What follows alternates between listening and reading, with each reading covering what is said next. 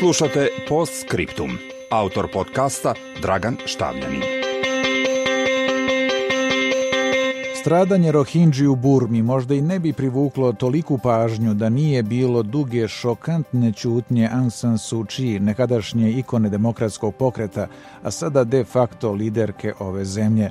Tek nakon mjesec dana, očito pod pritiskom međunarodne zajednice, osudila je svako kršenje ljudskih prava, najavljujući kažnjavanje odgovornih.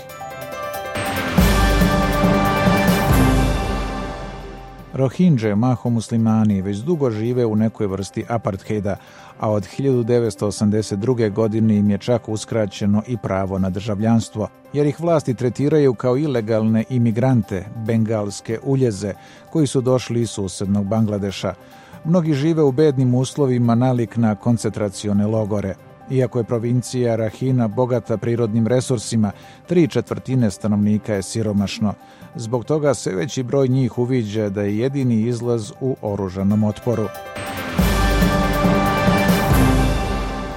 Pripadnici Arakan Rohingya vojske spasa izveli su prvi napad u oktobru prošle godine, nakon čega je usledila žestoka odmazda vlasti. Međutim, to je samo pojačalo njihov otpor, pa su 25. avgusta izveli još veći napad. Vlasti su proglasile ovu organizaciju terorističkom koja maltretira i pripadnike sobstvenog naroda, čak paleći njihova sela, kako bi ih sprečili da učestvuju u dijalogu što njeni lideri negiraju.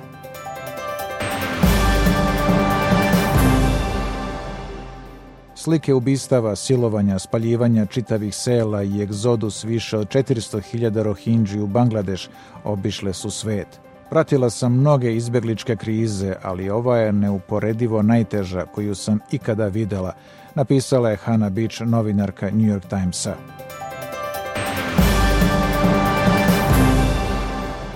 Reakcije u svetu su pomešane, dok muslimanske zemlje osuđuju zločine tražeći odlučnu akciju međunarodne zajednice.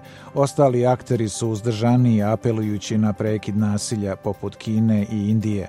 Zbog svih ovih političkih kalkulacija Savet bezbednosti je na posljednjoj sednici izbegao da kritikuje Aung San Suu Kyi, očito procenjujući da nije dobro da podriva njenu poziciju u suočavanju sa još uvek politički moćnom vojskom.